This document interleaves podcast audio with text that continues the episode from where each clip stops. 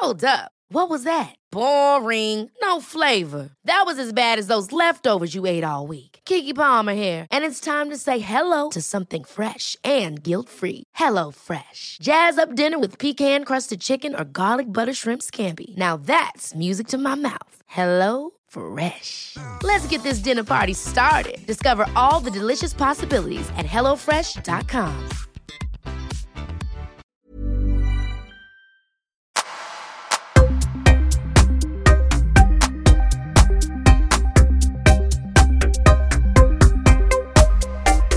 Vlad Reiser, välkommen till Öppet sinne. Tack, det är jag. Hej. Ja, det är Men du, berätta, för att jag vet att jag har nog en publik där det kan vara väldigt många som egentligen inte vet eh, vem du är eller vad du gör. Mhm. Så bara lite så här snabbt, vem är du och vad, vad har du gjort? Du är ju youtuber. Exakt. Okej, en snabb, snabb introduktion. Ja, Eh, jag är youtuber, eh, har gjort det i typ 10 år, eh, har haft ett jobb i hela mitt liv, fick sparken efter första månaden, har bestämt mig för att jag måste göra någonting som jag gillar att göra och eh, så har jag levt hela mitt liv. Och jag har fått en, eh, fått upp en halv miljon följare på YouTube, eh, över 200 000 på Instagram, typ samma på TikTok, alla sociala medier i stort sett. Varit med på Fångarna på fortet, Melodifestivalen, eh, Farmen, massvis med olika tv-shower, eh, programlett Nickelodeon, när jag var lite yngre, eh, gjort en, en, en resa i mediebranschen. Så. fan vilken bra start. För Mm. att du säger just nu egentligen det som den här podden går ut på. Du började på ett jobb, du fick sparken efter en månad och du insåg där då, jag måste göra någonting Mm. annat. Japp, Och du hittade det. jag gjorde det. Ja. Jag gjorde det, som tur. Men hur, hur var den resan för dig att upptäcka det här är det jag vill göra och jag är bra på det och verkligen tro på det? För det finns väldigt många också som, det är väldigt lätt att få en idé Mm. Och så tänker man så här, det här skulle jag vilja göra, ja men det finns ju alltid någon annan som gör det bättre och Mm. var, var, varför ska jag gå? Mm. Och så st- struntar man i det. Exakt, det är väldigt enkelt. Det, på sistone har jag börjat känna så ibland. Jag vill typ så här, testa någonting nytt och känner ah, det finns, folk som gör det redan. Jag tror man kommer in i de här tankarna, eh, om man inte har ett mål i sikte. Så på sistone, har jag jag har tagit en paus från YouTube nu, ett halvår, så då har jag känt lite så här, okej men jag vill testa andra grejer. Men om man ska gå tillbaka till hur allting började, så mm. som sagt, ett jobb, jag tror jag var 16, det var på McDonalds. Donken jobbade. jag, eh, jag, jag ville ha Big Tasty-såsen och min chef sa att jag inte får det för det fanns bara i stora förpackningen i kylen. Eh, så jag lånade den och eh, det fick man inte göra eh, och då fick jag sparken. Så jag kände om jag inte kan få en sås på mitt jobb där jag jobbar, då ska inte jag jobba här. Eh, och sen har jag bara tänkt, okej, hur kan jag, vad ska jag göra? Då, då kom morsan med en idé om att öppna ett eh, fitnesscenter för kvinnor. Då kände jag det här är jättebra, mamma jag kommer hjälpa dig, så fixar vi det här. Och det gjorde vi. Eh, öppnade Curves hette det, det är ett franchise. Eh, jag fyllde väl 18 precis just då. Eh, vi gick igång den här klubben, fick 160 medlemmar första månaden och allting gick suveränt. Och så jobbade jag i ett och ett halvt år, drev den här klubben och så hamnade jag i en skidolycka. Jag älskade skidor, hatar olyckor. Eh, det hände och jag blev sängliggandes i typ ett halvår hemma. Eh, och då kollade jag bara på YouTube. Då var det jag och min polare, han skickade mig videor, jag skickade honom videor, vi kände det här är kul. När din rygg blir bättre Vlad, ska vi inte testa? Eh, jag tyckte ja. Eller så här, jag ringde honom bara, vill du hjälpa mig filma? Jag ville testa. Han bara, jag har också tänkt på det här, ska vi inte göra det ihop? Då kände jag, lätt, vi gör det. Och så startade vi vår första kanal, Normal TV. Det där var 2013, om jag minns rätt. Va, vad gjorde ni då? Pranks. Pranks. För det var det vi kollade på. Mm. Var golden age of pranks. Det fanns Vitalis IDTV, Roman Atwood, eh, stora kanaler och du, du alla kollade på det. Folk delade det på Facebook, det fanns överallt på, på YouTube. ehm, fick så många views. Vi kände, åh, vi ska göra det här, vi ska få en miljon prenumeranter, vi skapade världens businessplan. Alltså vi jag, jag skojar inte, vi skrev en pdf-fil på typ 30 sidor. På vad vi ska göra, hur vi ska lyckas, eh, vilka videor vi ska göra, eh, hur vi ska nå vår miljon. Så det var verkligen så här, vi ska nå en miljon prenumeranter. Nu gör vi det här. Och vad hände sen? Vi fick 600 000, sen bytte vi till svenska. och vad landade ni på då? Eh, då blev det Vlad och Daniel Mm. Eh, som fick en, eh, vad fan säger jag, en miljon? 100 000 prenumeranter fick, eh, fick vi den första månaden. Eftersom vi gjorde, för det första så hade vi fått lite traction i Sverige, folk visste eh, vilka vi var. Och sen så vloggade vi och gjorde saker lite annorlunda än vad vloggare gjorde på den tiden, det var 2016. Mm. Eh, jag hatade vloggare, vet du det? Alltså jag, jag, jag, jag kollade på, jag älskade att kolla på spelvideor, eh, gamingvideor, lite tutorials, eh, lite udda videor på youtube. Det, ehm, hatade vloggare. hatade då. Jag tyckte det, men du vet jag hittade ingen bra kanal, jag tyckte det var så uselt. Va, va, vad var du störde dig på just med vloggarna? Var det det de pratade om eller vad? Right, det, jag tror det var, jag, jag tror inte jag hit, jag hittade bara ingen som jag tyckte om. Jag tror det var det. Jag tror jag, jag, jag stötte på några personer och det var, det, var så, det var så tröttsamt bara. Det var så, jag blev så trött av att jag, det var verkligen såhär, ja, ah, hej, nu vaknar jag, nu ska jag äta gröt. Fan bryr sig? Jag, varför finns det här tänkte jag? För, jag? för jag tänkte alltid, content. Vi måste skapa stort, vi måste slå heavy. Det måste finnas titlar, det måste finnas något intressant som drar in tittarna. Det måste, vi måste överraska människorna med, med, med det vi gör. Och så kom vloggar och var såhär, ja, nu ska jag ta bussen. Uh, hur många prenumeranter brukar de ha? Jag vet inte. Jag minns inte. Som sagt, jag, jag kollade aldrig på vloggare. Men vi tänkte att, men vi testar. För det kändes så enkelt. Och vi gjorde det. Och det var så enkelt. Vi fick 100 000 första månaden. Så, men vi gjorde det lite, med lite mer action. Fast lite mer power. Äldre det. Eh, vloggade bland annat i allmänheten. Något som i Sverige, på den tiden, eh, var helt out of the world. Man kunde stå liksom mitt på en tågstation på perrongen och prata i en kamera så här. Eh, nu gör ju alla det, känns det som. Mm. Nu kan man lajva med familjen. Jag ser folk som bara sitter i tåget och liksom pratar med någon. Men då, jag, jag, tror det blir liksom, nu är det normaliserat. Eh, men då var det väldigt udda. Vad har varit den största utmaningen med YouTube för dig? Uh,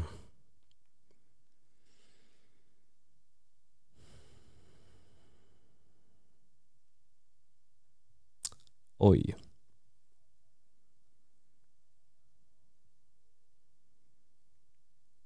Mm. Tuff fråga. Utmaningar. Um, Allt var för lätt eller? Nej, alltså, vet du, när man älskar någonting, mm. då, då är det lätt. Um, så, då, då känns det väldigt enkelt. Också när man får en feedback och det går bra. Det gick mm. väldigt, väldigt bra oftast. Så utmaningen var nog att vara kontinuerlig. Um, och alltid toppa sig själv. Jag tror att um, jag oftast försökte göra saker väldigt kreativt och, och bättre än min förra video. Så alltid bättre, större, starkare. Till slut så kommer man till en punkt då man inte orkar kanske. Men då ligger det fortfarande en känslan att okej, okay, men jag måste prestera. Um, så, det, så det kan bli lite tufft ibland när man känner att hur ska jag toppa mig själv? Hur ska jag alltid toppa mig själv? Um, så lite det, prestationsångest och eh, också kontinuitet av att alltid lägga upp. Um, Hur ofta brukar ni lägga upp? Eh, jag, bruk, jag, bytte, jag och Daniel har splittrats för ett tag sedan, så jag har haft min kanal sedan 2016. Eh, det är den som har fått en halv miljon. Eh, jag la upp, eh, jag, jag räknade på det faktiskt. Innan eh, min, min paus nu, som jag har haft i sex månader, så landade det på cirka, vad var det, en och en halv video i veckan sen jag började.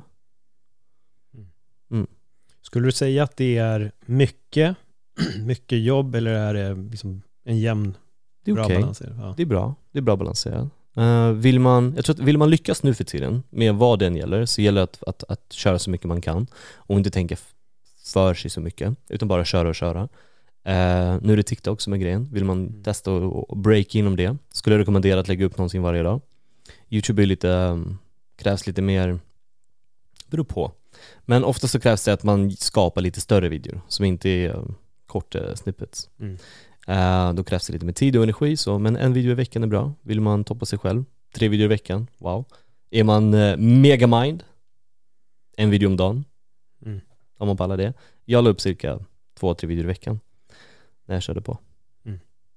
Vad var det som gjorde att du tog en paus? jag har gjort YouTube i snart tio år. Um, jag har alltid velat jag vill alltid utvecklas. Så är det, jag vill alltid hitta nya vägar. Um, utforska mig själv och uh, utforska mina talanger. För jag vet att vi alla, alla människor som finns på den här planeten har fler talanger än bara en. Ofta hittar man bara någonting man tycker om och sen associerar, associerar man sig själv med det. Man skapar sin karaktär och sin persona kring det. För mig har det varit YouTube. Jag känner, okej, okay, vilka, vem mer är jag? Vad mer kan jag göra? Eh, och vill man utforska det så måste man ju ta ett steg tillbaka från det man gör. Vilket oftast är väldigt svårt eftersom det är det du gör, din karriär hänger på det, eh, du är den du är. Mm. Eh, kring ett ämne. Så jag känner att jag måste ta ett steg tillbaka. Um, så jag och min tjej, vi flyttade till Spanien förra året. Um, och när jag kom fram så kände jag, okej okay, det här är perfekt tid nu för att nöta YouTube. Och satsa stenhårt. Jag menar, det var fantastiskt väder, vi hade det svinbra. Um, men så kände jag helt plötsligt, nej, det är bra så. Jag, jag, jag, jag gör ingenting. och det, det var väldigt opretentiöst. Jag sa ingenting till någon. Jag gick inte ut med någon video på youtube om att Hörni, jag tar en paus. Det fanns ingenting, utan jag kände bara Nej, jag går och badar. jag, jag, jag lämnar det här just nu och så, och så gör jag någonting annat. Um, och jag kände så första veckan, bara okej okay, nu, nu tar jag bara ett litet break. Andra veckan, sen en månad gick och jag var så här, så jag tycker om det här. Det här är bra. Jag hade ingen känsla av att det var jobbigt på något sätt. Utan det var så här, okej, okay, jag, jag låter det vara. Och så utforskar jag mm, annat. Jag läser och uh, hittar rutiner här. Hänger på internet, spelar spel, gör någonting annat. Vad har du upptäckt under de här månaderna? Mm. Rätt mycket. Jag har hängt mycket på internet. Jag har, eh, jag har kollat in på andra communities, kollat på hela kryptobubblan, kollat in på NFT-världen. Jag har eh, spelat spel och gått in i communities där, hängt på Reddit, eh, skrivit med folk, eh, utforskat mycket om rutiner, om eh, hur, eh, hur din dag påverkar dig, hur eh, hjärnan fungerar, vad eh, neuroplasticity är, hur, eh, hur sömn och ljus påverkar dig. Mycket om vetenskap bakom eh, psykologin och människan. Eh, skrivit journal, försökt hålla mig till rutiner som, som oftast pratas om att vara väl. Som meditera, skriva journal, eh, träna på ett visst sätt, äta på ett visst sätt. Upptäckt fasta bland annat. Kör fasta fortfarande idag. Eh, mycket sånt. Vilka insikter har du landat i om dig själv i det här? Med tanke på att du journalar, du tränar, du börjar ändra din kost, du börjar meditera, du börjar ta reda på allt det här, neuroplasticity och hjärnan och när man väl hoppar på meditationsresan, det händer någonting. Och när mm. man väl börjar journala, utforska sig själv, det händer något. Vad har du landat i om dig själv som person? Jag önskar att jag hade sån här rak svar till dig, bara du, det här det här är grejer och den här är jag nu. Sanningen är ingenting. Alltså det är så... Jag som sagt, jag önskar att jag kunde säga så, men helt ärligt, jag har bara upptäckt att det, jag vet inte. Jag har ingen aning. Eh, men jag har börjat liksom upptäcka och se mitt beteende mycket bättre. Um, jag märker när jag är reaktiv på situationer. Jag, eh, jag märker vad jag tycker om hos mig och hos andra och vad jag inte gillar väldigt starkt. Det är som att jag har fått en eh, mer klarhet om, om mig själv och om världen. Men insikt om till exempel vem jag är, bara liksom, helt ärligt så har jag typ jag har haft en insikt förut. Så jag är Vlad, jag är youtuber, det här är mina bra sidor. Eh, och nu på sistone så har jag känt typ tvärtom. Så det blir nästan luddigt för mig att kunna svara på den här frågan, jag vet inte. Fast du gav svar. Jag gjorde det. Du gav alla svar. Du gav jättemycket svar. Så jag har inget svar, sen ja, kom jag, alla svar. jag har typ inget svar. Jag, jag, det känns som att jag Fast bara säger någonting. Det är, det är ju ah. svaren. Det är det som är grejen. Det, alltså, jag måste säga från min egen erfarenhet med det här, i början så vet man ingenting. Men man börjar se små grejer om sig själv. Mm. Och precis som du säger att, ja, men lite så du vet vad du mår bra av och inte mår bra av. Vilka människor du gillar att vara med och inte vara med. Det är ju en jättestor insikt. För det är väldigt lätt kan jag tänka mig också att vara i den, den svängen där du är och den klicken och så här, och jag ogillar den där människan, men jag måste vara med den bara för att så här, det är så jävla bra för mitt brand och liksom nu ska vi göra videos ihop och så tycker man inte om varandra alls. Och, men att landa i det där att den här personen, vi, vi har inget utbyte från varandra så vi ska nog inte hänga. Och bara att kunna släppa allting och hellre gå och bada är en ganska stor insikt också, för det betyder att du har varit fast i en så här karriärsjakt Mm, eh, på ett sätt. definitivt. Så du kanske har fått din första semester här efter, vad är det, tio år? Mm, ja och nej. Mm. Jag hade en annan fantastisk upplevelse för några år sedan. Eh, det var 2019, det var det året som väldigt mycket hade hänt för mig. Eh, det var med i Melodifestivalen, vilket är bland det största jag har varit med om. Och ehm, det året har varit, det var, det var faktiskt det året där allting började förändras för mig.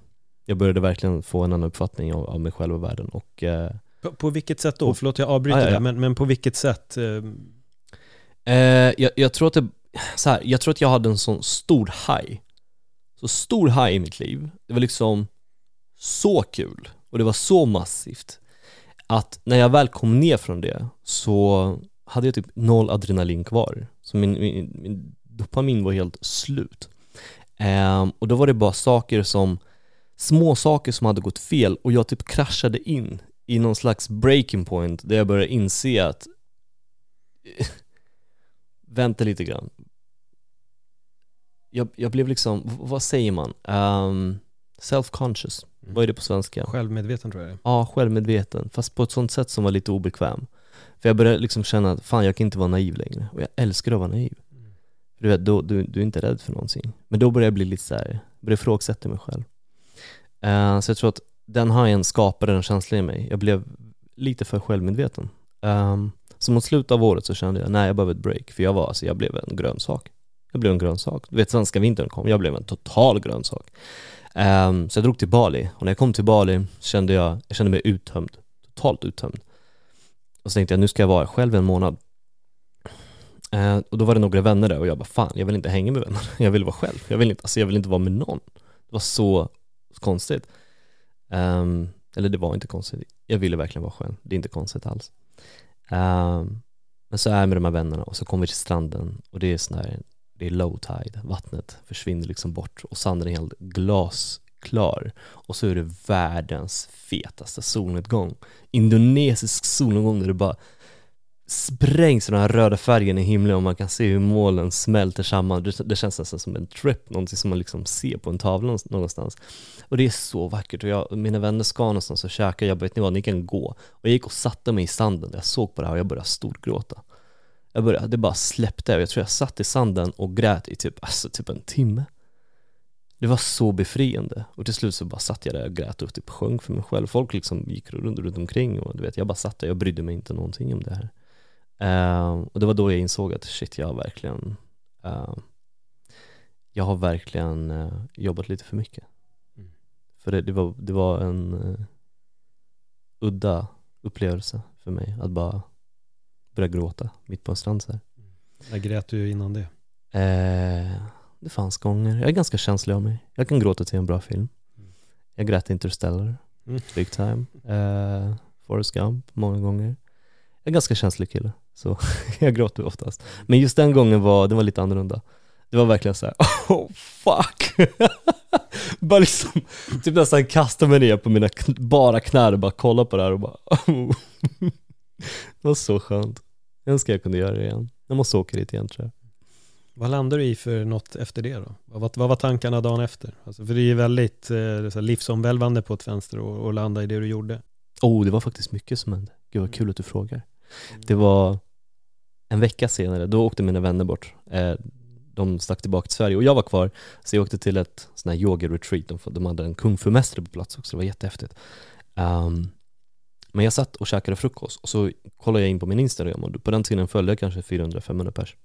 Men helt plötsligt fick jag en känsla av att varför kollar jag på de här människorna? Varför, varför sitter jag och kollar på det här? Så jag tog bort alla. Jag tog bort alla jag följde, så jag var nere på noll och det här är ändå mitt jobb. Så jag tog ju bort folk som jag jobbar med, som jag hade koll på, vänner jag hade skaffat någonstans i Tyskland eller liksom i Frankrike och som jag kanske ville ha koll på för att ha kontakt med. Jag bara, nej jag tar bort allihopa. Så jag tog bort alla, jag nere på noll och sen började jag driva om Instagram och så följde jag Jesus istället. Jag, jag är inte kristen eller så, men jag följde Jesus, så skrev jag i min bio, jag följer bara Jesus som, som en meme. det var jättekul faktiskt. Så var det jättemånga eh, kristna personer som skrev och frågade om religion och så. Som sagt, jag var inte religiös men jag tyckte det var intressant att prata med dem istället. Mm. Men jag, det var som ett skämt för mig. Ehm, så, så där började det och jag blev ehm, mm,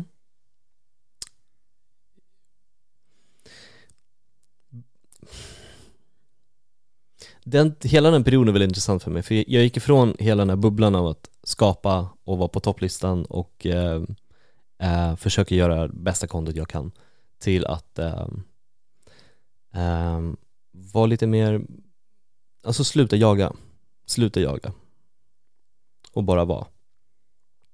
Och Jag gjorde en eh, ganska stor resa då också, från Bali så stack jag till Kanada, från Kanada till Tysk eh, USA och det var precis under lockdown så jag bodde i USA, i LA i tre månader precis under lockdown. Väldigt häftigt. Um, vi tog en RV, en sån här hus, husbil och jag och mina roomies, vi åkte runt, runt Kalifornien och bara utforska och kolla på grejer. Svinkul var det. Och sen när jag kom tillbaka så var det så här: okej, nu måste jag börja jobba igen. Och det var lite tufft, vet du det? För att mm, det, det, det är så skönt att kunna skapa ett momentum av någonting och ha ett tunnelseende och skapa. Det enda du bryr dig om, att kunna skapa. Det, du är som en häst som har sådana här blinders. Och det enda du ser, det är det här målet och vart du ska. Jag, jag personligen tycker det är väldigt skönt att ha det så, för då är det det du gör. För så fort jag liksom tog ett steg tillbaka, då öppnades hela världen upp för mig. Och då blev det helt plötsligt, det blev väldigt jobbigt för mig. Vad- Vem är jag? Det är viktiga frågor, det är ju det. Varför är jag här? Varför gör jag det jag gör? Eh, och ifrågasätta sig själv, både bra och dåligt.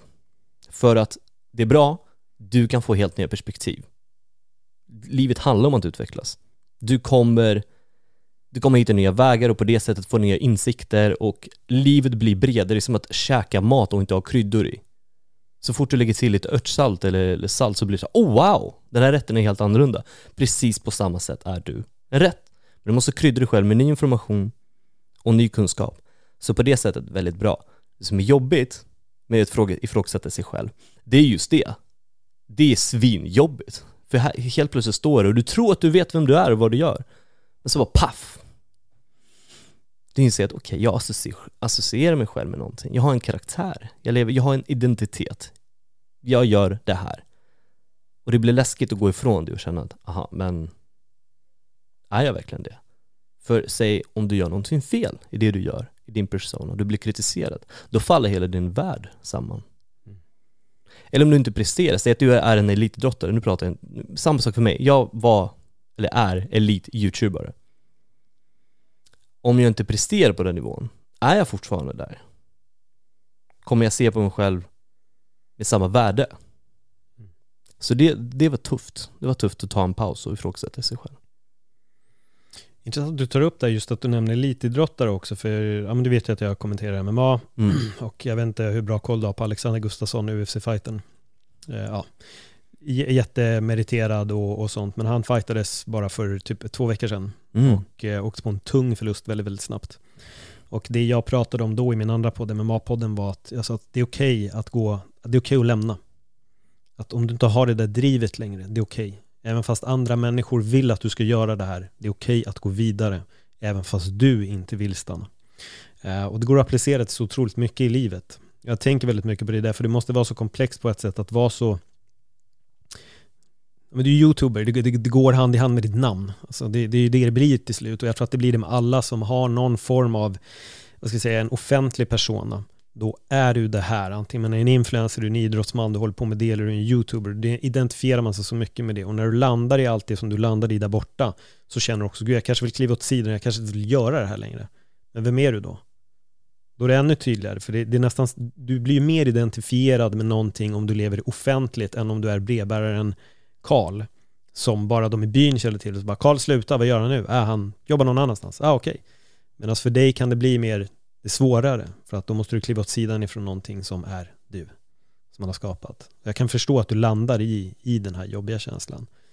Um, jag har ändå, jag, från början ville jag bli skådespelare och det var ju min dröm. Samtidigt nu när jag har hamnat i allting jag har hamnat och alla så här grejer som har hänt vid sidan om mig som har öppnat upp dörrar för mig så är jag på något sätt glad att jag inte kom dit, dit jag ville först. För jag tror att jag hade inte kunnat hantera det. Det har varit min tanke. Jag hade nog inte pallat. Hade jag blivit skådespelare hade jag säkert blivit en dryg jävel alltså.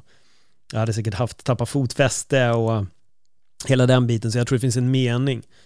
Men livet är så sjukt fantastiskt på så många sätt. Och det är ändå kul att höra att du i den positionen du är också får den här, när verkligheten kommer ikapp att fan, vem är jag och vad vill jag egentligen? Och nu är det här, bara några år senare så har du valt att ta en paus och allting började ju uppenbarligen med tårar på Bali. Och sen har det där fröet bara vuxit och vuxit och vuxit och blivit någonting och nu är du ju i en ny plats i, i livet Mm. och vill vidare. Transformation, Ja, exakt. det är spännande, exakt. det är läskigt. Mm. Du har varit med om det, eller hur? Ja, Visst är det jobbigt? det är Det skitjobbigt. är så jävla jobbigt. Ja. Det gör ont. Det gör det. Jag har gjort en video, jag visade den för Niklas som tog hit dig till podden som handlar just om att vakna. Ja. Och jag minns just när det hände. Eh, liksom de veckorna jag pratade mycket med en polare och jag sa det, jag bara, det här är så jävla jobbigt. För att allting som jag har trott stämmer inte. Och det handlar mest om mig. Allting om hur jag ser mig själv och vem jag är är inte sant. Och nu måste jag börja om på nytt och starta om. Det är sjukt jobbigt i början. Det är jättejobbigt. Var är du idag med den, ska man säga, så här, smärtan eller att det är jobbigt? Ehm, det är väl att jag inser att man inte alltid kan göra samma sak. Mm. Man blir, man blir ju bra på någonting och sen tänker man okej men nu, nu fortsätter jag det här på, på, på samma spår. Men det är ju som att springa i samma skor. Mm. Det, de går ju sönder till slut. Ska du liksom springa på dina bara sulor? Det går ju inte. Så utveckling måste ske. Det är bara att man blir så bra på någonting, på en sak, en tema liksom. Och sen kommer den här utvecklingen och du, du, någonstans känner man att man vill utvecklas, man blir uttråkad. Um, så jag vet att jag har behövt utveckla mitt content, hitta nya vägar, um, kanske utveckla content på andra håll till och med. För skapa, just att skapa, oavsett vad det är, är det är så kul och det är så befriande. För mig, frihet är att skapa. Um, och det har varit mycket humor och det har varit mycket eh, ungdomsorienterad content och eh, jag, jag, jag tror att jag skulle kunna fortsätta men jag blev bara så uttråkad av, eh, av, av, av samma grej, av samma typ av energi. Jag tror att jag behöver förändring oftast. Um, och det är just det, är just det som, som är tungt, för att, att testa någonting och det kanske är så pass nytt att det inte går hem. Och då har man en kanal som är väldigt stor och så har man alla de här tittare som förväntar sig en typ av content. Och så gör man någonting helt annat. Um, och det kanske inte går hem. Och det har jag testat och det, vissa saker har inte gått hem. Uh, och då känner man, ah.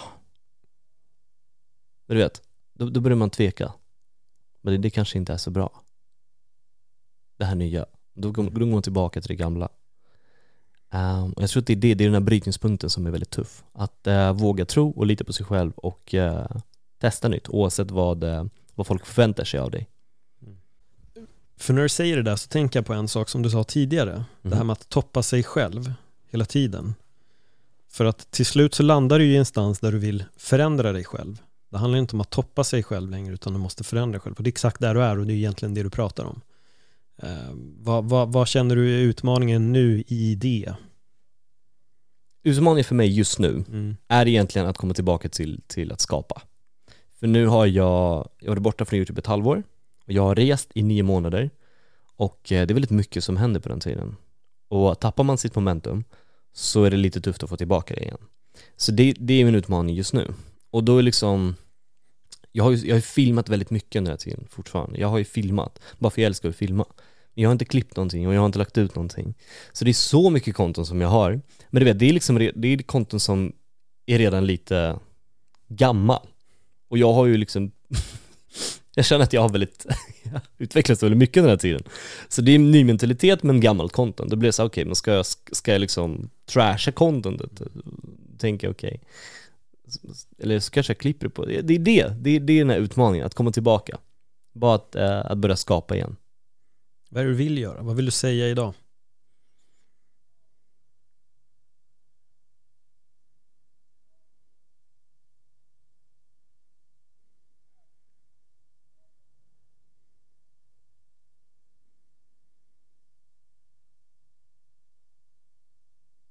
Hmm.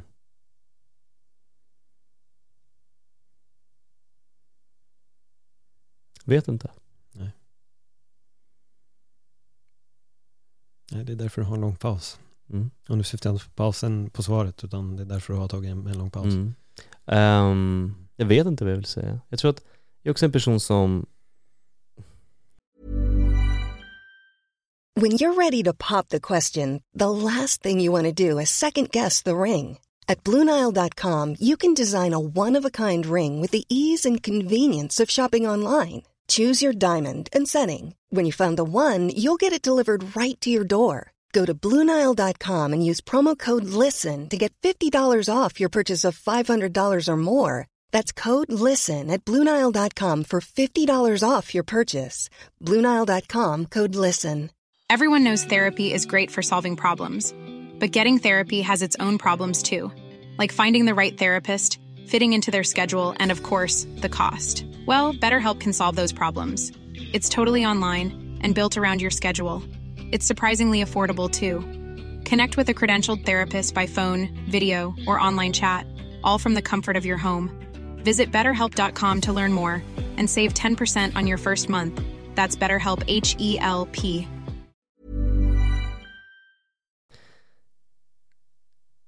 ganska spontan av mig.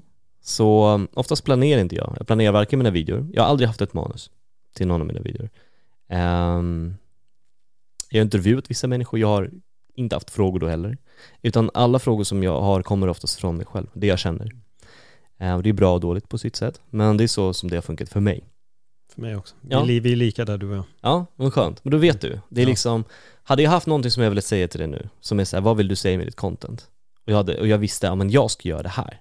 Då hade jag sagt det. Men jag har ingen plan. Utan för mig är det oftast att, att jag ska må bra och ha kul med det jag gör. Och lyssna på, på mig själv och mitt hjärta.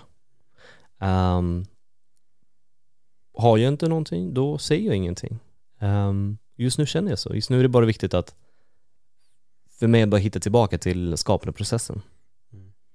För det är så kul. Du vet, man sitter och, jag vet inte vad du har haft, men för mig att, att filma en bra video som jag vet att okej, okej, det här är bra energi, det här är kul, jag har haft jätteroligt när jag filmar det här och sen kunna liksom föra över de här filmerna på datorn och bara, okej, nu ska jag klippa det här.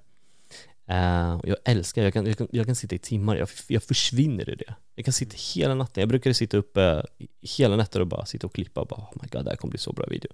Och jag ser det liksom skapas framför mig få ut det och få feedback och bara, ah, jag tror det är, det är en drog, vet du? Det, är, det är ett beroende. Att den här processen av att skapa och få tillbaka feedback, det är väldigt beroende från Kanada, Väldigt. Särskilt när man kommer upp till den här nivån då du blir offentligt recognized, väldigt, väldigt stor. Du vet när jag gjorde videor i början med min vän bara, vi satt liksom, gick ut på gator och så, det var ingen som kände igen oss. Sen hamnade vi på en, gal, eh, på en gala, det var då jag hade min första förändring när jag började skapa. Jag hade fans tydligen. det, var, det var inte bara siffror, det var människor. Va? Det kan man inte tro. Ehm, och eh, samma sak där, jag träffar folk som bara du, wow du är så grym, du gör så feta videor. Och jag hade aldrig träffat mina fans tidigare. Då var det typ ett år in i YouTube. Eh, samma sak där, jag storgrät. jag, typ, alltså jag träffade typ så många människor, jag tror jag började gråta typ fem gånger. Jag är en känslig kille, det är så. Om folk kommer fram till mig och säger att de tycker om mig, då blir jag, då blir jag gråtfärdig. det är så. Eh, det, det fick mig förresten att, att, att tänka att det kanske vore kul att, att testa att vlogga och testa att göra någonting mer än pranks, för det var väldigt fokuserat på eh, reaktioner av andra människor och inte mig själv som personlighet. Men när jag såg att folk tycker om det jag gör så kände jag, ja men jag kanske, det kanske är jag, det kanske är mig de tycker om, inte bara reaktionerna. Och så var fallet. Ehm, så, ja, contentvärlden. Ja, jag känner igen mig, det är så sjukt. Alltså, för skillnaden med det är med, jag, som jag berättade, jag gjorde YouTube innan YouTube egentligen var en grej. Mm, Det fanns inga pengar, men det var också det här kul att skapa och göra och få responsen, reaktionen eh, på att folk uppskattar det. Men någonstans känner jag igen mig på dig på något sätt när jag höll på med stand-up. mm, För jag höll på i typ fem år tror jag höll på med stand-up. Det som hände på slutet var att jag fick folk att skratta. Det svåra var inte för mig att gå upp och få folk att skratta. Men jag ville gå djupare än så. mhm, Jag ville få folk att kanske tänka också. Inte bara så här sätta punchline, ha ha ha. Utan mer sätta punchline men också så här, ja, ah, det där var smart. Fan, det där är jag. Alltså få folk att verkligen tänka till. Eh, men jag kände att jag var inte så, jag var inte så duktig på stand-up för att kunna göra det. Det funkade när jag skrev långa berättelser. dialog med personer. Då kunde jag få de här djupa tankarna om världen, om människor och få det kul också. Men jag kunde inte göra det i stand-up och då kände jag att jag måste gå härifrån. Det, jag, jag får inte ut det jag vill. Och jag var naiv istället med att jag trodde att det skulle gå jättefort för mig att slå igenom. Jag hade den, den tanken istället för att ha tålamodet. Idag har jag tålamod på ett annat sätt. Men jag känner verkligen igen mig i det där med att man, man, man gör någonting men man vill göra något annat. Men man hittar inte riktigt hur eh, går jag dit eller vad är det exakt jag vill göra? För mig var det att jag i slutändan ville skriva en bok. Jag fick den inte publicerad för den var en briljant idé men den var skitdåligt skriven.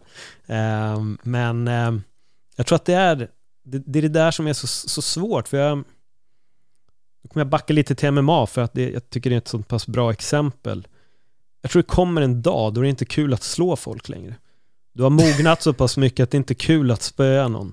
Och jag tror det är samma sak med humor att du, det kommer en dag då pranks är inte roligt längre att göra. Mm. Så du kan det här nu. Det är, det, det, det, det är för lätt. Det är, inget, det är ingen utmaning. Du vill göra någonting nytt. Och då behöver man hitta någonting nytt. Men då kan det vara svårt att bryta sig ifrån det för att folk identifierar dig som the prankster och det är det du ska vara. Och då måste man hitta den här snygga övergången. Mm, och vill, man vill oftast att det ska gå fort. Ja. Ja, och det gjorde det för mig. Mm. Det gick så fort. Mm. Jag tror det var också det som var den stora hajen. Mm. Ehm, för hade det gått långsamt, då, då, då vill man oftast gå tillbaka till det gamla. Mm. Det, det är ju det, och det går ju inte oftast snabbt. Nej. Alltså 99 av 100 gånger så går det väldigt långsamt. Och det är det, det, är det här tålamodet som man oftast behöver jobba på. Um, och uh, det är också det som jag under min paus nu har fått lära mig mycket av. Jag har tålamod med mig själv.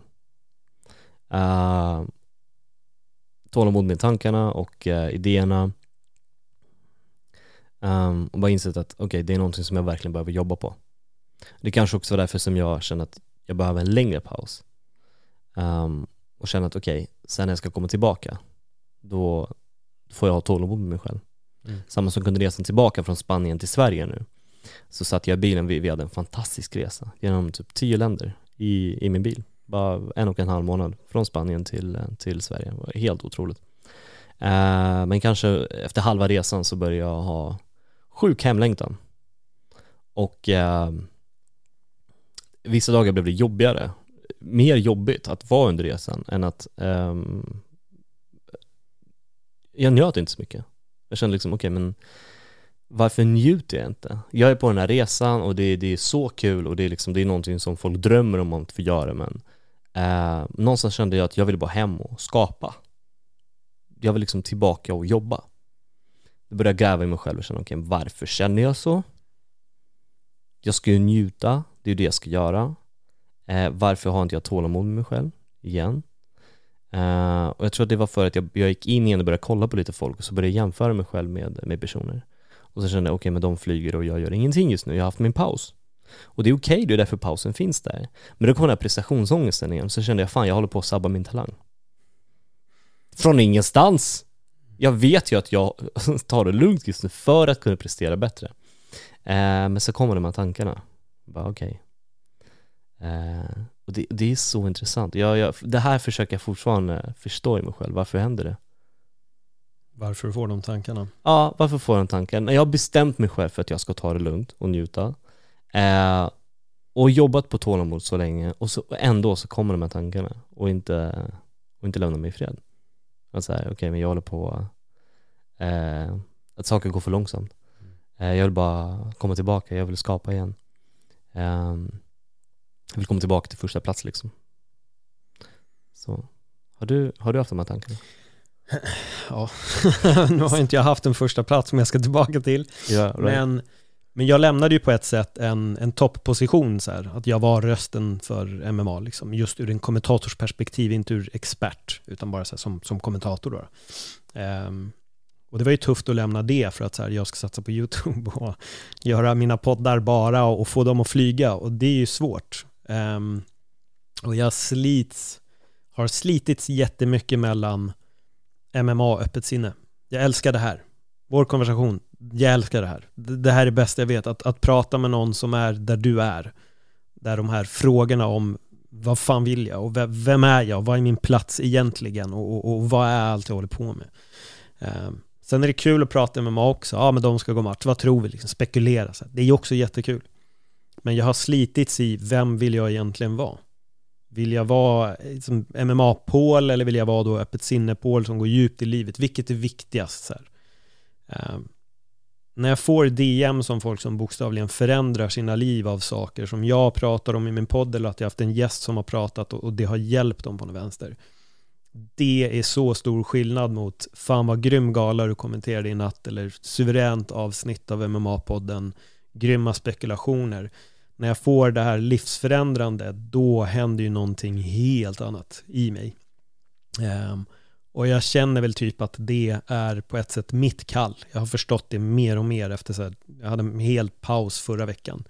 Um, och jag känner verkligen att det är det jag vill göra. Jag vill dedikera mig åt att prata om livet och faith i YouTube. Jag har gjort det i poddsammanhang, men nu vill jag nå ut på ett annat sätt. Uh, och jag vill verkligen sätta mig och prata om exakt de här frågorna och försöka ge svar på dem. Eh, men jag kan ändå inte överge den andra podden. Eh, men jag tror också att jag bara har landat i att jag tycker att det andra är skitkul också. Eh, jag måste bara acceptera att det är, båda sidorna är jag. Men jag tror att jag har fastnat i det här dumma tänket egentligen som är så här, ja men folk vill identifiera sig med det via en sak liksom. Så fort man gör två grejer då är det spretigt liksom. Man ska säga en nisch typ då. då. Medan det är klart att man kan snacka MMA och prata livet och älska brädspel och gilla pizza och glass också och ändå gå på gymmet och meditera och vara djup och läsa filosofi. Vi har allting i livet liksom.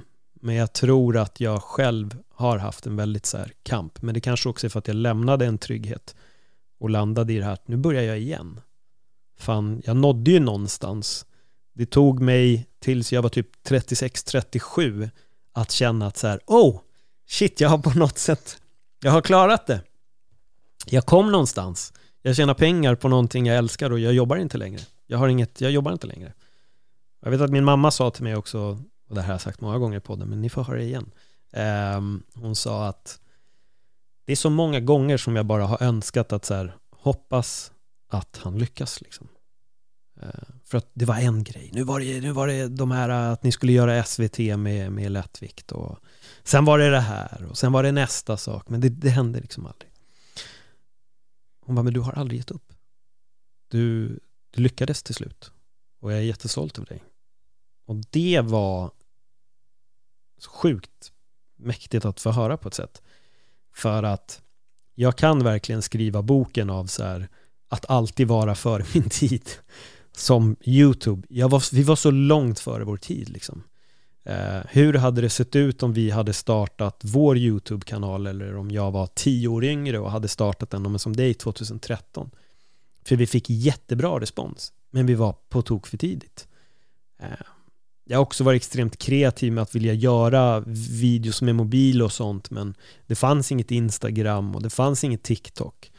Så det har varit min kamp det här med att jag är den som kommer gå i graven med att ja, han var så långt före sin tid men lyckades aldrig riktigt. Eh, men nu är jag nog bara på en sån här bana att öppet sinne är det som kommer att ta mig till första plats i podd. Det är det som jag vill lyckas med. Men jag går inte från att ha varit nummer ett som dig och vill tillbaka. Jag vill dit för första gången. Och det är det som är min, min kamp och mitt driv nu, att verkligen göra det. Men jag kan ha, och det tycker jag är bra det du säger ibland, att man ska inte överanalysera ibland sina projekt heller, men jag kan fastna i det också. Mm. Det måste se ut på ett visst sätt eller det här medan jag tror att jag behöver bara sätta mig framför kameran och bara prata. För jag vet att när jag gör det i poddsammanhang att jag bara säger okej okay, nu öppnar mitt sinne, boom, hej välkomna att du öppnar mitt sinne och så börjar jag bara filosofera liksom då det händer någonting. När mm. det blir det här helt osensurerat, helt ofiltrerat, väldigt naket och, och, extremt ärligt som folk brukar säga, att jag bara pratar helt fritt. Um, och nu vill jag förmedla det med en kamera också, att jag slänger in en, en kamera och, och kör. Att det är mm. det jag vill göra. Definitivt. Men ja, tankarna är där hela tiden och då, ibland dyker de upp för ofta och ibland kan jag ändå så här landa i dem att jag behöver nog göra det här. För jag har också två bollar i luften som jag jonglerar på ett sätt. Men jag tror att jag har hittat lösningen på hur jag ska kunna göra båda två på enklaste sätt i alla fall. Så. Och hur, hur gjorde du det? Eh, jag landar i att jag kommer att producera väldigt lite visuellt content till det som är MMA-podden. Lägga mm. allt fokus på det visuella till öppet sinne. Men jag livestreamar med MMA-podden. Att jag kör bara går live. För då behöver jag inte klippa, jag behöver inte redigera, jag behöver inte editera. Okej, okay, så, upp, så du tar mindre arbete, det är ju det? Så här, ja. prioriterar? Ja, Prioritera, så är det. precis. precis. Right, ja det där är ganska bra. Men att stora fokuset kommer ligga på öppet sinne. Liksom. Ja, Det definitivt. där jag kommer prioritera mer om man säger så. Jag tror att det är det här, jag tror att vissa är väldigt bra på att göra många saker samtidigt. Mm. Du vet, det, det, det är det här typiska med Hej välkommen till eh, jobbintervjun, vad är du bra på? Nej men jag är bra, du vet, jag kan hålla många bollar i luften. Mm. Bullshit! Äh, du vet, alltså så här, oftast vill man ju satsa på en sak. Okej, jag brinner för det här, då borde jag göra det här. Mm. Så gör man det. Och går det så går det, går det inte, då hatar man sig själv en liten stund och sen gör man mer och så går inte det, då hatar man sig kanske lite mer men ändå man får den här liksom elden av att jag borde göra mer. Mm. Man känner att man har ett kall där och det är liksom, det, det, man, får ett, man får feedback. Och jag tror att, ehm, för det är så många som har skrivit till mig också, genom min YouTube-resa. Um, Vlad, när jag kollar på dina videos så mår jag så bra, du har den här energin, jag tänker så här och så här och det var väldigt mycket av det i början. Och det, det, det gav mig också väldigt mycket driv. Mm. Jag kände wow, det här är större än mig. Mm. Eh, och någonstans på vägen så tror jag att det tappades bort lite grann för jag slutade svara så mycket till folk. Eh, och det blev lite mer fokuserat på att skapa och inte själva eh, prata med följarna. Men det, det är kul det du säger att man, man hittar, att man får driv från, från folk som förändrar sina liv. Att Mm. man känner att man Du känner att du behövs. Det är lite så, man känner att man, eh, man gör någonting viktigt. Jag Mm. tror att det, det är det som oftast Det är det som kan vara tufft för en kreatör och personer i sin vardag. Att man tänker, fan, gör jag något viktigt? Du vet, är det här, det jag håller på med just nu, är det viktigt? Mm. Så bara, ja, då, då kanske man tänker sig, ja det är viktigt för att jag tjänar pengar på det. Så då kan jag överleva och må bra, så kan jag köpa de här skorna. Men är det viktigt? Jag tror det är det som är den här frågan som gör att det kan bli väldigt tufft för dig också. Det jag gör, är det viktigt? Och oftast är ju svaret nej. Mm. Tyvärr. Men oftast, det vi gör under vardagen, jag kan ta från mig, jag älskar att spela spel. Är det viktigt? jag måste fråga mig själv, ja på ett sätt är det viktigt för att jag kan slappna av då. Men är det hela stora, är det viktigt? Ja, för att jag kan slappna av då och jag mår bra. Men det, det är så man jagar upp sig själv. Ehm, jag jagar upp mig själv väldigt mycket så. Jag älskar också spel och spela som du såg där Du. inne. Ja, nej, men det, är- det är så, det är jättekul. Det är min, alltså det är min frizon. Jag pratar väldigt ofta om det, att ha, man måste ha en brytpunkt. Mm. Ironin i mina brytpunkter är att MMA var min brytpunkt när jag jobbade med stand-up. Mm. Jag nördade ner mig i MMA för att då vart jag fri från jobb. Mm. Sen blev det mitt yrke.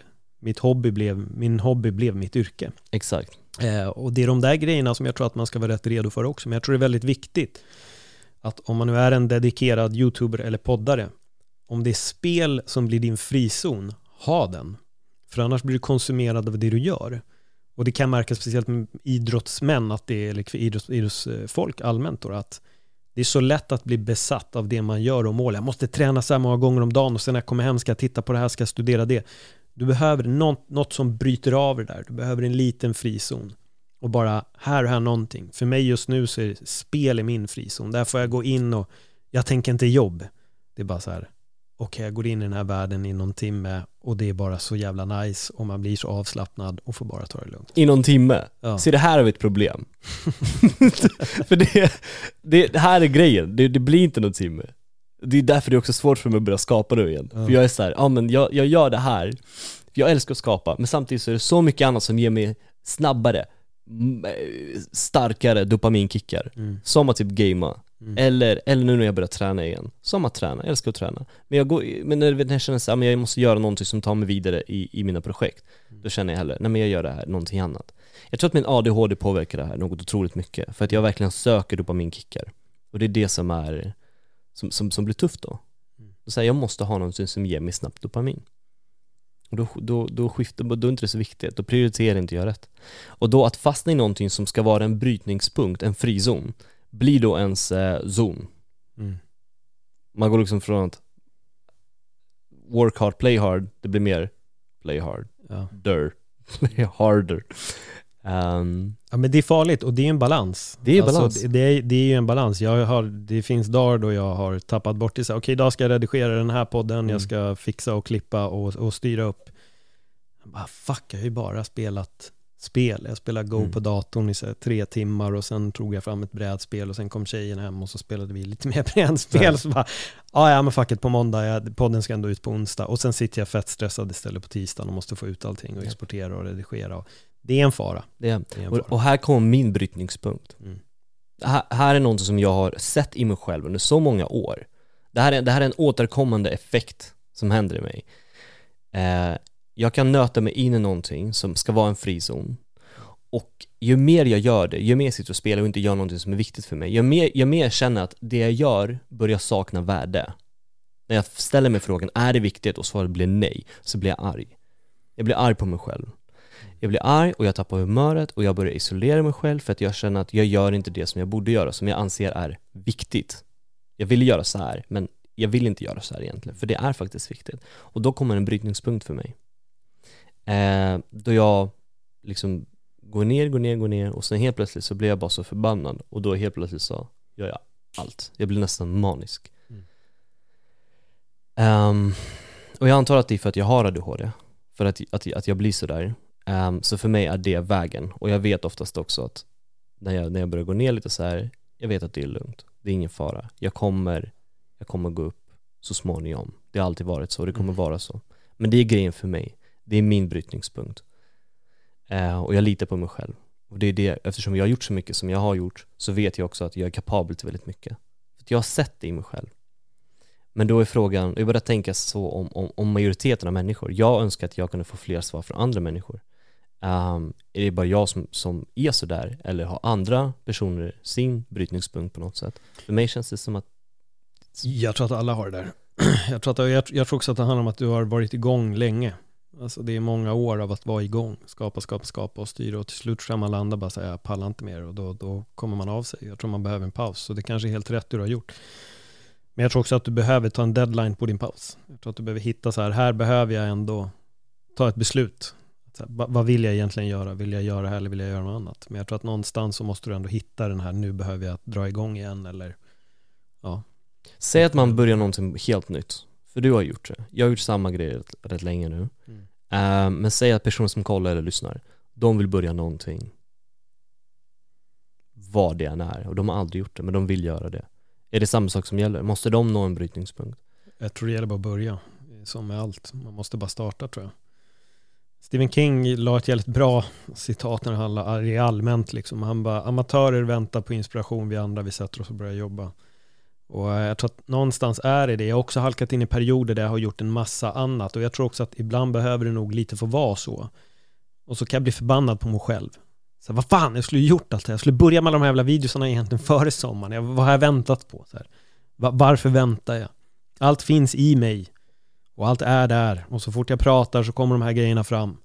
Jag behöver bara sätta mig, jag behöver bara trycka på rec. Ja, ah, men ljuset är inte tillräckligt bra. Och det är jobbigt att ställa upp alla de här jävla lamporna, så jag köpte en selfie-lampa vilket hjälpte mig jättemycket. och ibland kan det vara en så simpel grej att bara köpa en selfie-lampa så kommer du igång istället för att rigga massa lampor. Men i slutet av dagen, det är bara en ursäkt för att inte komma igång. Och, och, och vi är så jävla duktiga på att hitta alla anledningar till att inte göra. Men jag tror att för dig så är det fortfarande att jag tror att du söker lite efter ett svar vad är det egentligen jag vill. Jag, jag får en känsla av att det är där du är. Att så här, ja, du vill hitta den här glöden igen. Du vill hitta det här anledningen till varför du sätter dig och spelar in och skapar content. Jag tror att det är det du vill hitta den här riktigt genuina anledningen. Eh, och du kan tappa den genom att bara gamea. Det går också. Om det är för många timmar om dagen med gaming så kan du ju tappa den. Men jag tror att svaret finns där någonstans i dig. Jag tror bara att du vill nog egentligen göra någonting nytt men att du är osäker på om dina tittare eller lyssnare kommer att gilla det. Men jag tror att de kommer det. Och jag tror också att det är det som är häftigt på något sätt att se med kreatörer också, det är utvecklingen. Det vet jag folk som har följt mig sedan så här YouTube-tiden alltså. Det var en kille som skrev till mig när jag landade jobbet på, på Viaplay då, som UFC-kommentator. Han bara, jag har följt dig sedan lättvikt, vilken jävla resa Paul. Och det var så kul att höra också att så här, fan, här är en person som verkligen har följt mig på alla mina sociala medier från att jag hade lagt ut liksom en enda sketch och har sett allting jag har gjort och, och var jag till slut landade och jag tror att folk gillar också att se utvecklingen för att jag tror att de som älskade dina pranks när de började har också utvecklats och de vill se något annat och de tycker det är coolt, fan kolla alla pranks den han, han drar till Melodifestivalen eller kolla nu gör han det här istället. Fan tänk han började ändå bara med att, och skoja med folk. Men nu gör han det här. Så jag tror också att det är, jag, jag, jag tror inte man ska underskatta den riktiga fanskaran som gillar dig för det du gör, som har fastnat för dig som person och inte bara för att du är skojig utan för att det finns någonting mer, de har fattat att det finns något mer och det är därför de tittar på alla program du gör. Jag tror att även om du skulle sätta dig och snacka djupt om livet så tror jag att så här, fan jag vill ändå lyssna på den här, på honom för att jag har följt han så länge.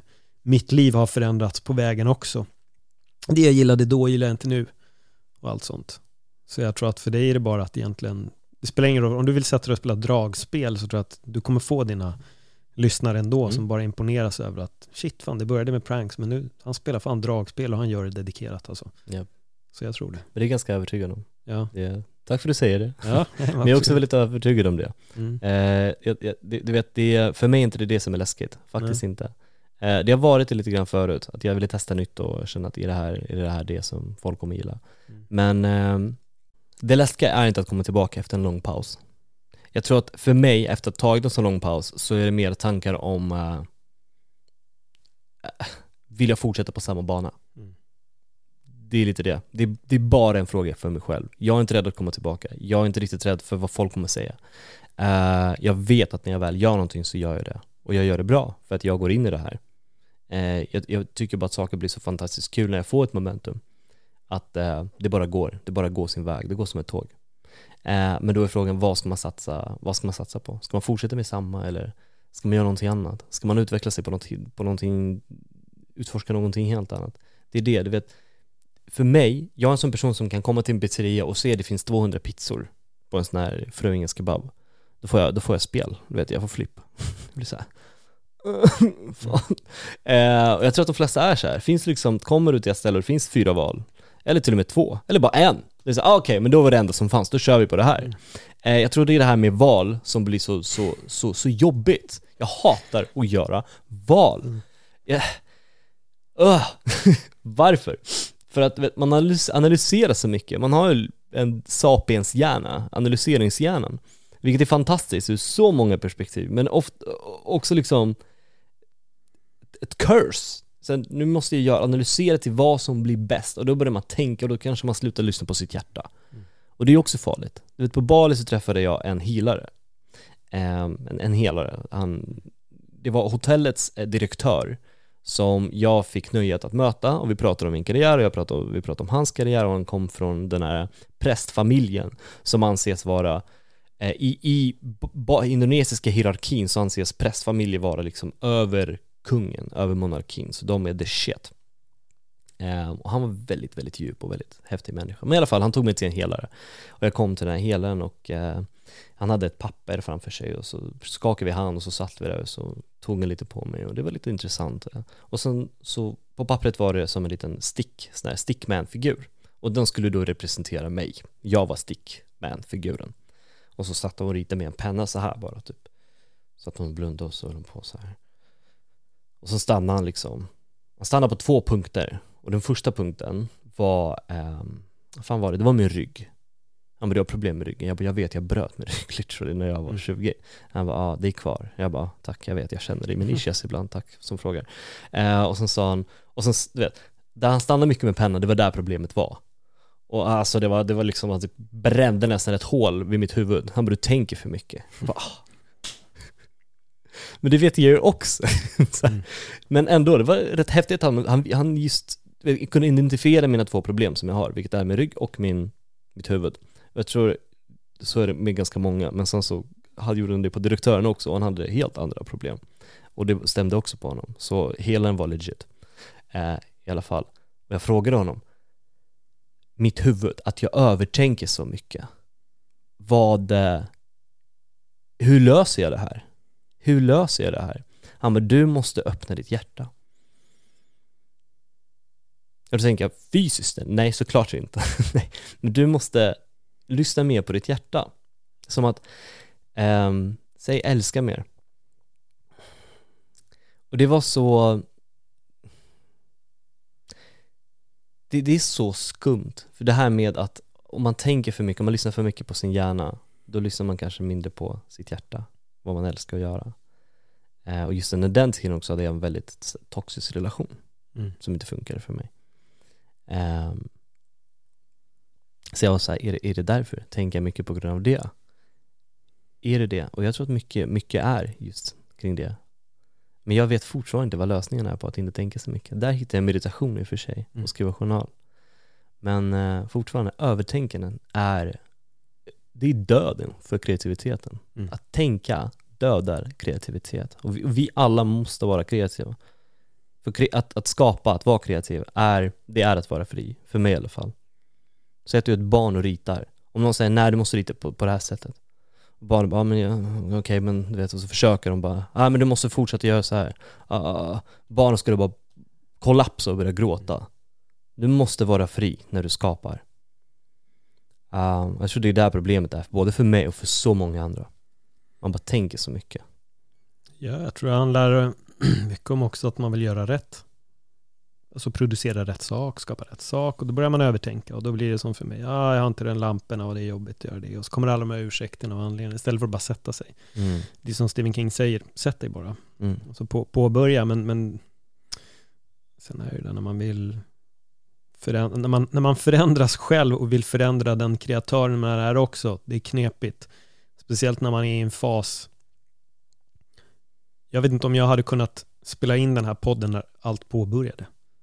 När allt kändes komplext. När allt var bara jobbigt. Jag, jag vet inte om jag hade kunnat gjort den här podden på det här sättet. Och idag har jag landat i så mycket och nu, nu ser jag mycket med perspekt, på ett annat perspektiv, med ett andra, andra ögon och ur ett nytt perspektiv. Men jag tror att där du är nu, jag kan förstå att det är svårt. Att knepigt. För du är i en fas där du har insett att du kanske inte är den du trodde att du var och nu försöker du hitta dig själv igen bara. Att bara att så här, fatta vem är jag egentligen och, och, och då kan det vara knepigt att hitta också vilken person ska vara utåt som alla ska Nej. se och jag, ja, men jag förstår att det är knepigt och då börjar alla tankar. Mm. Jag tycker Don Miguel Ruiz, han, han lägger upp det väldigt bra. Många pratar om egot och sånt, men han, han säger att vi har den allierade och sen har vi parasiten.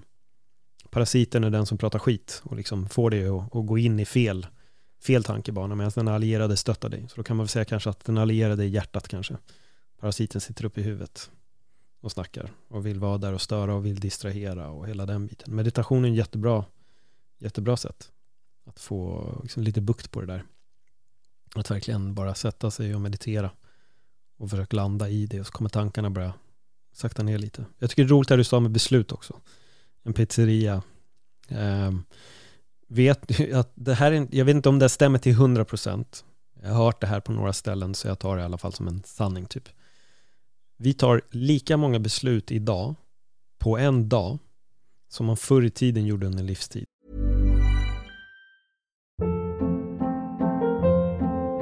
Hold up. What was that? Boring. No flavor. That was as bad as those leftovers you ate all week. Kiki Palmer here, and it's time to say hello to something fresh and guilt-free. Hello Fresh. Jazz up dinner with pecan-crusted chicken or garlic butter shrimp scampi. Now that's music to my mouth. Hello Fresh. Let's get this dinner party started. Discover all the delicious possibilities at hellofresh.com.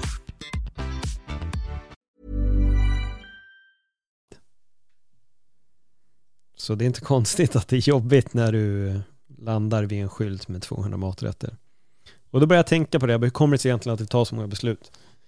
Att ta upp telefonen ur byxorna, det är ett beslut.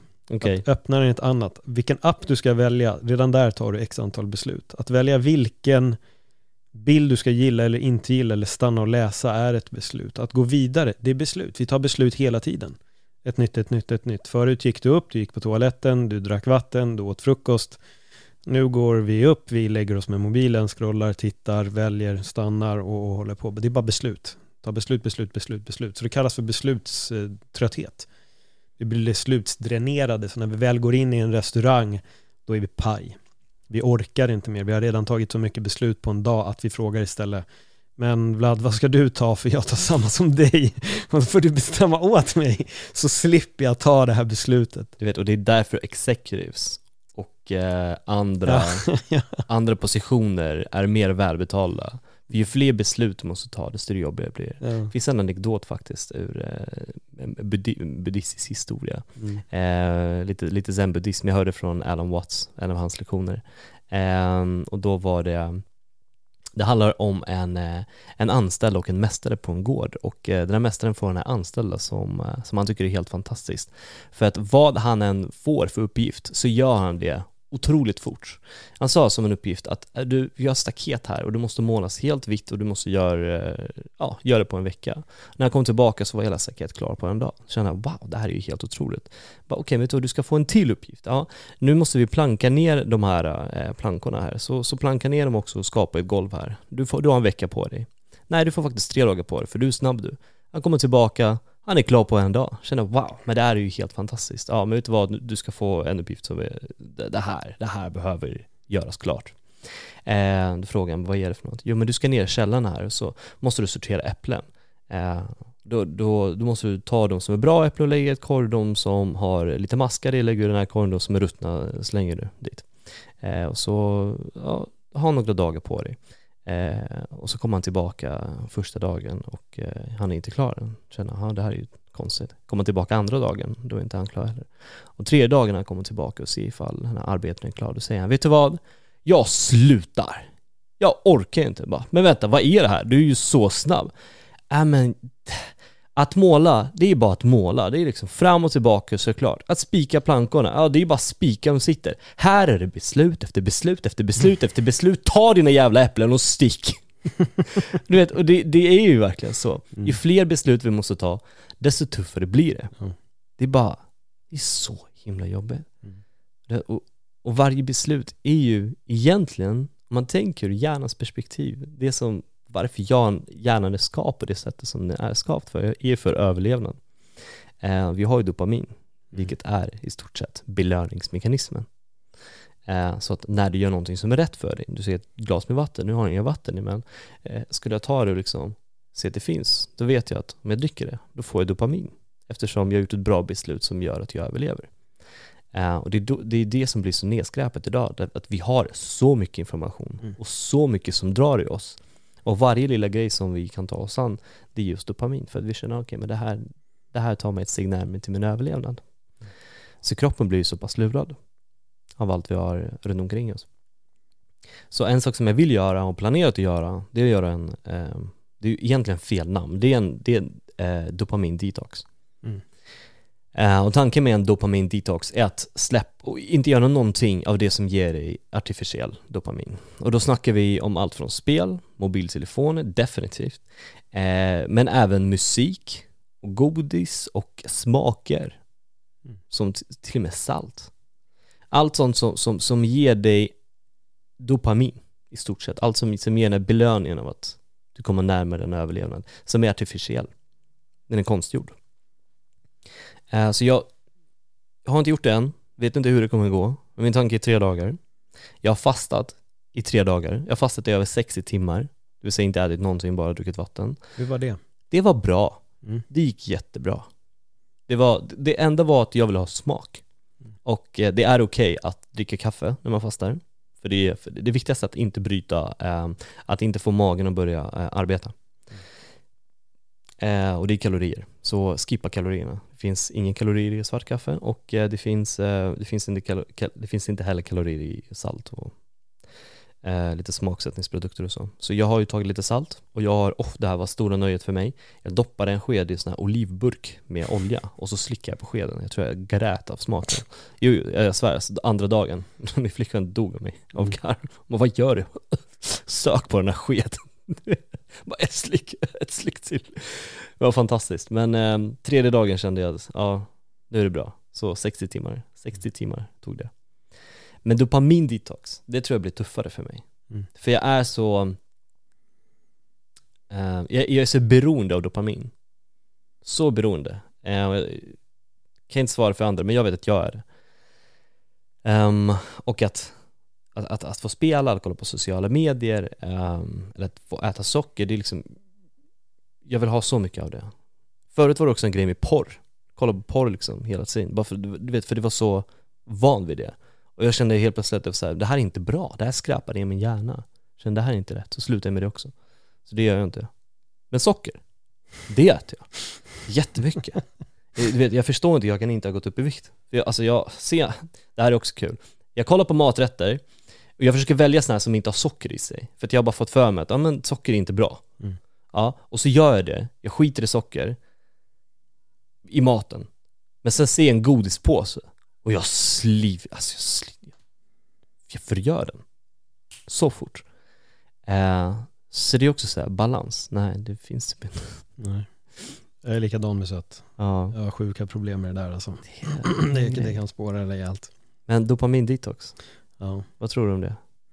Det är helt klart värt att testa. Jag behöver sätta mig in mer i exakt så som du förklarade den. Jag har hört att man kan göra en dopamin detox light och det är väl mer att man tar bort telefonen Ah, eh, och, och droppar på det sättet genom att inte sitta och scrolla och, och, och ja, söka likes och allt det där och sitta och titta. Eh, och det gjorde jag nu i veckan när jag åkte till min tjej på västkusten. Jag var där. Då, jag, var, jag ska erkänna att jag gick in på telefonen men jag gjorde ingenting. Jag var inne någon enstaka gång bara och så här, tittade någon grej väldigt snabbt men sen så stack jag verkligen därifrån fort. Jag hade inte med mig den ut. Varje gång vi gick ut lämnade jag den hemma och, och det var jätteskönt. Bara att åka iväg på en middag och bio utan telefon var en jättekonstig känsla. Men extremt skönt. Eh, så jag ska nog försöka göra det lite mer här också när jag väl är hemma. Att bara så här, lämna telefonen hemma vid vissa gånger. Det är samma på gymmet. Det är också så här, mellan repsen så börjar man sätta sig och titta i mobilen. Varför? Man tappar så mycket fokus genom att bara göra det. Det tror jag också de har, det finns någon studie på det där, med att du tappar, liksom det, det, det tar bort dig från träningen. Att det är negativt att ta upp telefonen och scrolla. Och vilan blir mycket längre än vad den behöver vara och sånt där. För man fastnar på en grej och så har man helt plötsligt stått två minuter. Det är som när man går med telefonen och helt plötsligt så är man tio minuter bort och fattar inte ens hur man hamnade där. Så man blir helt instängd i den där världen. Det är skrämmande verkligen hur den, hur den funkar. Men mer pauser från telefonen tror jag är en bra start. Men vara utan salt, ja, det vet inte fan om jag pallar alltså. Mm. det är lite det. Ja. Så det ska bli tufft. Men jag, jag älskar att utmana mig själv på det här sättet. Mm. Men angående, angående fokus så, så ehm, ehm, vad var det för någon? Jag tror jag lyssnade på Dr. Huberman Lab, också Mm. podd. Eh, och där pratar de om, eh, om timingen som man har i hjärnan, som, som har med fokus att göra. Och då är det som 90 minuters eh, eh, cycles. Jag vet, jag vet inte vad det heter på svenska tyvärr. Ja, cykel. En, cyk, en cykel, exakt, 90 Mm. minuters cykel. Och att hjärnan behöver gå in i en cykel som är eh, 90 minuter. Så gör du någonting så vill du ägna 90 minuter åt det. Och säg att det är ett jobb, eh, så vill du komma in i det lite, lätt, eh, lite långsamt. Och då är det, jag tror att det är eh, Pomodoro som systemet, vad det heter. Och det är att du jobbar i, Eh, du jobbar i 10 minuter till att börja med. Sen tar du en paus på en minut. Eh, och sen jobbar du 20 minuter, så tar du också en liten paus. Och i den pausen så vill du egentligen inte gå och, och få dopamin, alltså inte gå in i telefon, inte spela, inte göra något sånt. Eh, utan att du bara andas, meditera, oftast vill du blunda. För då, då, spar, då, då processeras en del av informationen som du har precis gjort undermedvetet och eh, du tappar inte fokuset. Men du liksom resetar dig själv så det blir enklare att fortsätta jobba. Och det är de här 90 minuterna som det handlar om. Mm. Gör du någonting så vill du göra det i 90 minuter. Efter 90 minuter, då, då skiftar det. Då kan du byta det du gör. Eller fortsätta, men då kanske du, inte kanske, utan du blir mindre effektiv i det du gör. Så 90 minuter är tydligen det, det är den perfekta tiden för att göra en uppgift. Eh, och, det går, och, och så går det under hela dagen för dig tydligen. Så sömnen fungerar på exakt samma sätt. Det är 90 minuters cykler, konstant. Mm. Så det är så vår hjärna fungerar. Det är 90 minuter hela tiden. Det var så intressant att få, att få, få den, ehm, det kunskapet och vad man kan göra av det. Det låter rimligt, måste jag säga, med 90 minuter. Det känns, och det slog mig när du sa det också, det är därför två timmars filmer kan kännas för långa många gånger. Så 90 minuters filmer, man var Ja, skönt, en film på 90 minuter. det är sant. Ja. Det, det, det, där, det där är faktiskt sant, just filmen. Men ja, det här med 90 minuter fick man verkligen tänka på okej, men vad, okej. Då försöker jag liksom justera mitt liv efter 90 minuter. Ja. Ehm, Ja, För jag tror det är lätt att fastna i jobb också, att man sitter länge. Men det kan vara bra att hitta en paus också för Mm. att få ut det bästa utav det. Att man kanske bara går iväg i definitivt, några minuter. definitivt. Så det är viktigt att göra. Ja. Du, eh, vi är rätt långt in i den här podden. Eh, Jag sätter mig sjukt gärna med dig en gång till, men lite längre fram, för att få höra hur det har gått med allting och vad du är i livet om typ, ja men när du väl har börjat landat i mer grejer.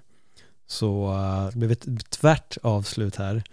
Men jag vill tacka så jättemycket för att dels du kom hit, det här är jättespontan podd som blev av. Eh, Men för att du har delat verkligen väldigt, alltså det är väldigt ärligt och genuint eh, det som du har öppnat upp dig om. Och det är precis det den här podden handlar om. Eh, och jag tror att många kommer uppskatta och, och höra det. För att vi har alla den här kampen inom oss om Fan, du har ju fått mig att berätta massa grejer om vad jag är också och hur jag vrids i mitt eget huvud om vad jag vill och vad jag vill lägga fokus på och inte göra och allt sånt där. Och, ja, ni är inte ensamma där ute. Vi har alla de här tankarna och ja, men helt enkelt tack så jättemycket för att du öppnade upp dig. Tack snälla, tack för att jag fick vara här. Ja, Verkligen. Mm, tack så Nu går vi och kollar in på de här brädspelen du har där. det tycker jag definitivt att vi ska göra. Eh, om det här är första gången som ni hör den här podden så det finns över 200 stycken intervjuer och nästan alla handlar om att utforska livet på ett eller annat sätt. Vill ni höra mig filosofera mer om mitt eget liv så har jag avsnitt som heter Öppna mitt sinne som ni kan kolla in och lyssna in. Och jag antar att typ alla redan följer Vlad, men om de inte gör det, var hittar man dig på din resa? Länk i beskrivningen. Exakt, där har ni alla länkar hittar ni i beskrivningen. Tack för den här gången. Tack. Hej då. Nej.